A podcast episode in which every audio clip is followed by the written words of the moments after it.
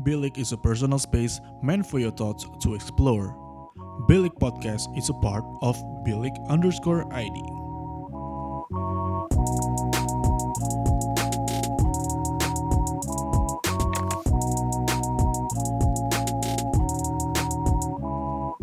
Bilik, your thoughts matter.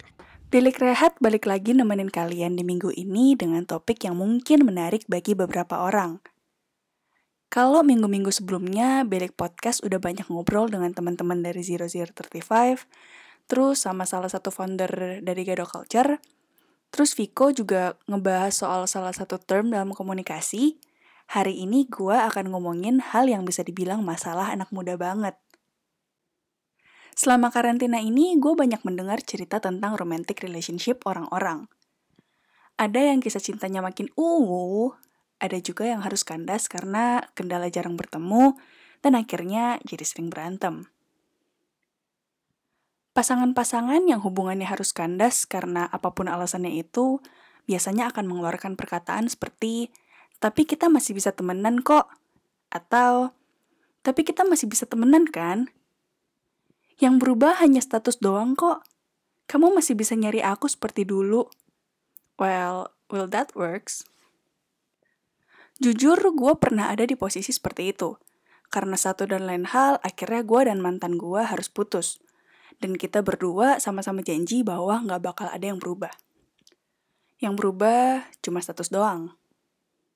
Gue masih bisa nyari dia, curhat ke dia, jalan bareng, nonton bareng, dan sebagainya untuk sekian lama gak ada orang yang nyadar kalau sebenarnya kita udah putus. Selain karena waktu masih pacaran kita emang kayak sahabatan, tapi karena emang sega ada yang berubah itu. Sampai suatu saat dia menjauh. Gue gak ngerti kenapa dan it hurts. Saat itu gue masih in denial bahwa kita udah putus.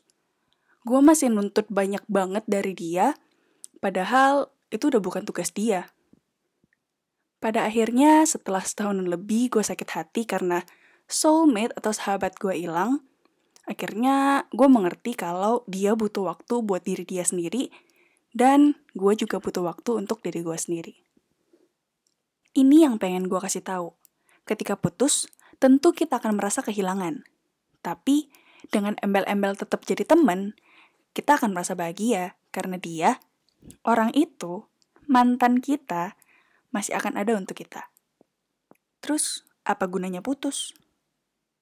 Ketika kita jadi teman dengan mantan kita langsung setelah putus, kita jadi nggak akan bisa bedain kalau sekarang kita tuh udah jadi teman. Dan akan banyak kebiasaan lama yang akhirnya muncul kembali, seperti misalnya kebiasaan untuk mau ketemu tiap hari, nggak peduli seberapa sibuk atau nggak bisanya dia.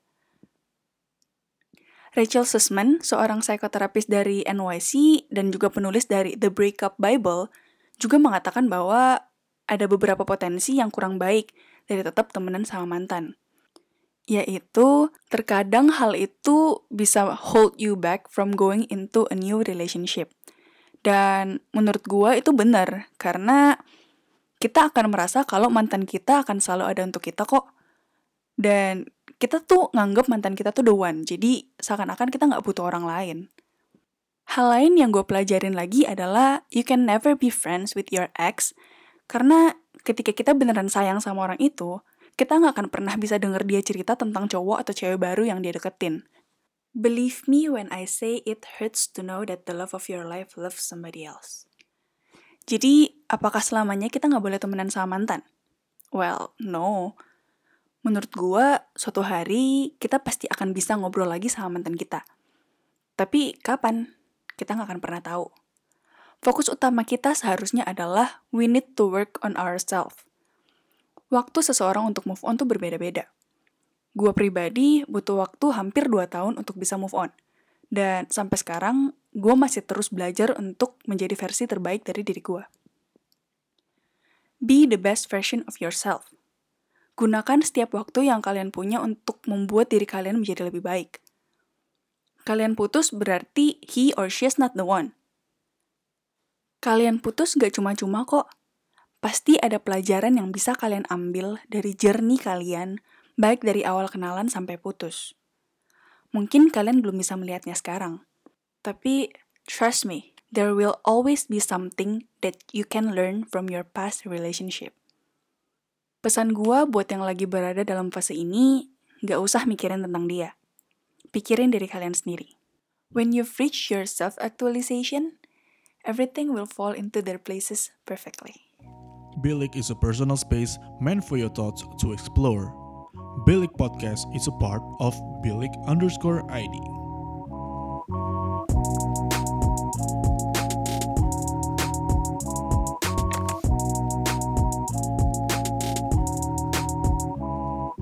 Bilik, your thoughts matter.